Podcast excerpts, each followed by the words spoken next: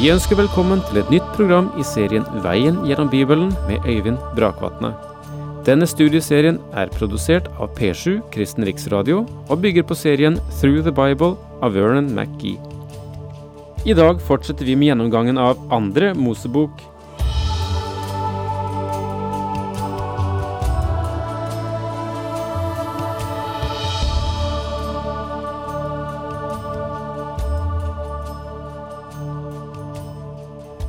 Det er eh, forunderlig dette, at mange ganger skjer det når vi kommer nærmere Gud, så ser vi at vi ikke egentlig er dugelige.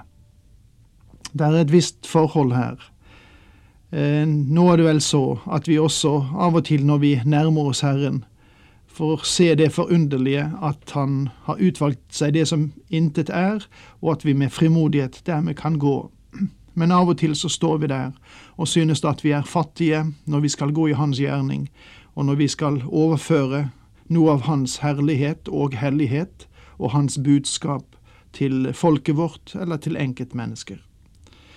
Og denne situasjonen står eh, Moses i, i det fjerde kapitlet som vi skal eh, begynne på i dag.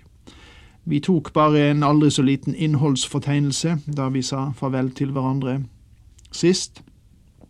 Men jeg minner igjen om at det fjerde kapitlet omfatter eh, egentlig Mose-innvendinger, og på å si nesten forsvarstale, for å slippe å gå. Men eh, Gud styrker ham og forteller at han har autoriteten fra Herren, og på hvilken måte den egentlig skal utøves. Og dette kapitlet forteller oss at Moses vender tilbake til Egypt og sier noe om den vidunderlige måten Gud tar hånd om hans bekymringer på. Moses har mange spørsmål og mange hindringer å overkomme, men Gud har et svar på alle Mose-innvendinger. Og jeg tror at det er sant som det står i den svenske sangen, den Gud som var på Mose tid, er likedan i dag.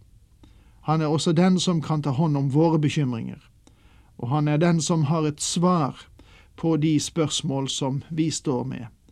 Og Derfor burde vi ikke være så redde som vi mange ganger er, for å rykke frem og gjøre det som han ber oss om, eller det som vi ser er det riktige å foreta seg. Mose angav flere årsaker til at han følte at han var feil mann for å utføre det oppdrag som Gud ønsket ham til. Moses svarte, står det i første og andre verset, og nå er vi i annen Mosebok, kapittel fire. Moses svarte, de vil vel ikke tro meg og ikke høre på meg, men si at Herren ikke har vist seg for meg. Da spurte Herren, hva er det du har i hånden? En stav, svarte han. I den tid som lå foran, ville Moses bruke denne staven på mange forskjellige måter.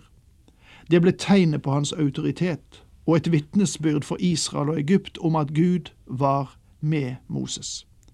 Den vil også være en personlig styrke for ham. Kast den på jorden, sa Herren. Så kastet Moses staven på jorden. Da ble den til en slange, og Moses flyktet for den. Da Moses kastet staven på jorden, ble den til et ufyselig monster. Legg merke til at det er ingen makt i staven, fordi den bare er et ytre moment og kan bli brukt både av Satan så vel som av Gud. Sammenlign for eksempel med en hundrelapp. Den kan virke som betaling for en morder eller en skjøge, for spill eller alkohol osv. Med andre ord kan hundrelappen bli en slange. Bare når hundrelappen eller staven legges i Guds menneskets hånd, en som er villig til å brukes av Gud, kan den bli brukt for Gud. Det er en veldig viktig lekse Gud gir i dette verset. Men Herren sa, rekk ut hånden og grip den i halen. Så rakte han ut hånden og grep slangen. Da ble den til en stav i hånden hans. Mange mennesker anser både bilen, radioen og fjernsynet å være av djevelen. Djevelen kan bruke alle disse instrumentene, men de kan også brukes for Gud. Og derfor, grip slangen i halen, mine venner. Bruk bilen din til å ta noen av de gamle troende til kirke, eller noen av dine ufrelste venner for å høre forkynnelsen av Guds ord. Støtt kristne programmer i fjernsyn og radio. Gjør ditt for å forvandle mediene til et instrument for Gud fremfor et instrument for djevelen. Du kan gjøre dem til en stav i Guds hånd. Gud kalte Moses til å fri israelsfolket fra slavekår i Egypt. Han fostret ham i 40 år i ørkenen og ga ham mandatet gjennom den brennende tornebusken. Denne mannen som en gang var så ivrig at han løp foran Gud, tar nå med atskillig tvil imot sin gudgitte oppgave som utfrier. Han begynte med å gi Gud alle sine innvendinger og la en stav i hans hånd. Han lærer at når staven blir brukt etter Guds vilje i menneskets hånd og overgitt til Gud, så blir den et tegn på autoritet. Men i tillegg til staven gir Gud Moses enda et tegn som skal styrke hans visshet og lære ham en viktig lekse når han nå drar av gårde for å ta på seg det store ansvaret å føre Israel ut av Egypt. Og han fortsatte, stikk hånden inn på brystet. Han stakk hånden inn på brystet, og da han dro det ut, var den spedalsk og så ut som snø. Da sa Herren, stikk hånden inn på brystet enda en gang. Moses stakk hånden inn på brystet igjen, og da han dro den ut, var den like frisk og god som før. Da sa Herren, om de ikke tror deg og ikke bryr seg om det første tegnet, så vil de sikkert tro på det andre. Dette store budskapet her er i første rekke for Mose egen del. Brystet hans her taler om hans indre liv. Ordspråkene 4, 23 sier, bevar ditt hjerte fremfor alt du bevarer, for livet går ut fra det. Med andre ord, hånden vil gjøre det hjertet driver den til. Gud ønsket å legge sin stav i hånden på en mann som var overgitt til ham. Nå ønsker han at Mosehånd skal være i pakt med hans hjerte. Herren sa dette i Matteus 7, 17. Et godt tre bærer god frukt, et dårlig tre bærer dårlig frukt. Og i Lukas 6, 45 sier Herren, et godt menneske bringer fram godt av hjertets gode forråd. Et ondt menneske bringer fram ondt av hjertets onde forråd. For det som hjertet er fullt av, taler munnen. Gud sier til Moses at han vil ha hans hånd så vel som hans hjerte. Gud sier det samme i dag også. Gud vil ikke ha våre penger og våre evner. Gud ønsker deg, og han ønsker meg. Hvis han får oss, det vil si vårt hjerteforhold, så vil han få resten også. Moses la sin hånd inn på brystet, og den var spedalsk da han trakk den ut. Han stakk den inn på brystet enda en gang, og så ble den igjen frisk. Ut av ditt hjerte vil til slutt komme det du er. Gud ønsket at den staven skulle hvile i en hånd som var overgitt til ham. Han ønsket at mannens hånd skulle bevege seg i samme retning som det hjertet som var overgitt til ham. Dette er en sterk leksjon fra Gud til Moses, til Israels barn og til oss i dag. Men Moses sa til Herren, Hør meg, Herre, jeg har aldri vært noen ordets mann, verken før eller nå etter at du begynte å tale til din tjener. Jeg har vanskelig for å tale og uttrykke meg. Nå kommer Moses med enda en unnskyldning. Han sier, Herre, du trenger en god tale til denne oppgaven, og jeg kan ikke uttrykke meg særlig godt. Moses klarte seg utmerket da selve øyeblikket var inne, men han kommer her bare med en unnskyldning. Han kjenner seg utilstrekkelig. Da sa Herren, Hvem er det som har gitt mennesket munn? Hvem er det som gjør stum eller døv, seende eller blind? Er det ikke jeg, Herren? Gå nå, så skal jeg være med deg når du taler, og lære deg hva du skal si. Gud forteller Moses at han ikke bare ønsker hans hånd, men også hans munn. Han ønsker å være med Moses munn og lære ham hva han skal si. Ut fra hjertet kommer livet, og det som finnes i hjertets kilde, vil komme ut gjennom munnens avløpsrør. Gud ønsket Mose hjertet, men han sa, Å Herre, send en annen, send hvem du vil. Moses forsøker å finne en erstatning. Da ble Herren harm på Moses og sa, Har du ikke din bror Aron, levitten? Jeg vet at han kan tale. Nå kommer han og møter deg. Når han ser deg, blir han inderlig glad. Du skal tale til ham og legge ordene i munnen på ham. Så skal jeg være med både deg og ham når dere taler, og lære dere hva dere skal gjøre. Han skal tale til folket for deg.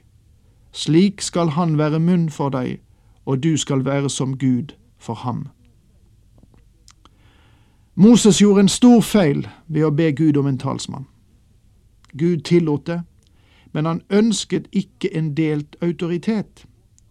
Og du vil snart finne ut at det var årsak til mange problemer ettersom Israels barn dro gjennom ørkenen.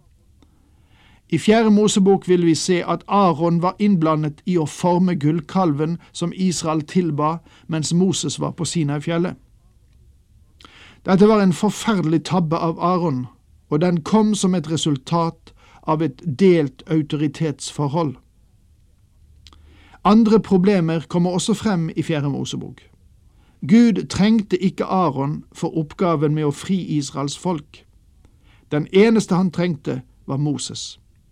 Moses nølte med å ha full tillit til Gud hele veien, og derfor måtte Gud sende en annen mann med ham. Vi eh, må selvfølgelig være oppmerksomme på våre svakheter. Men når Gud kaller oss til å gjøre en gjerning, så burde vi svare ham med tillit. Herren vil sette oss i stand til å gjøre den oppgaven Han kaller oss til å gjøre.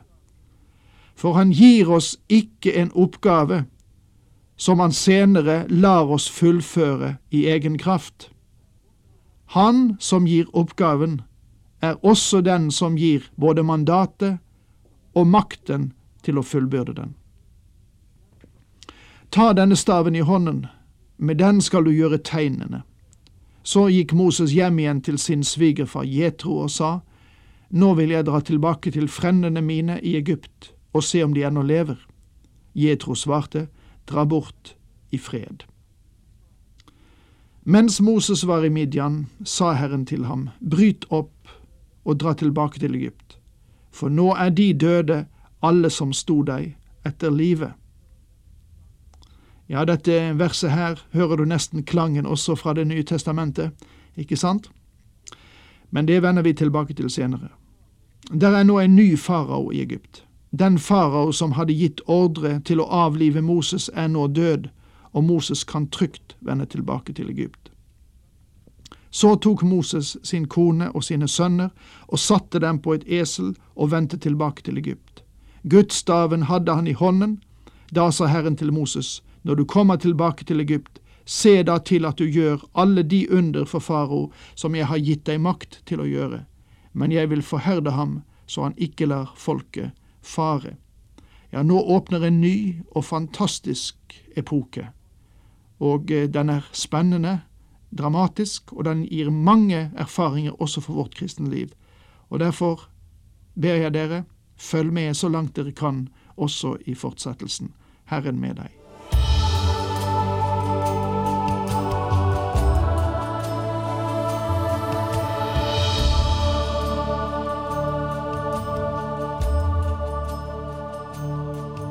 Du hørte Øyvind Brakvatne i studieserien Veien gjennom Bibelen.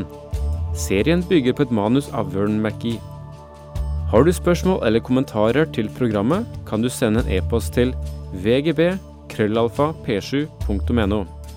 Takk for i dag, og på gjenhør.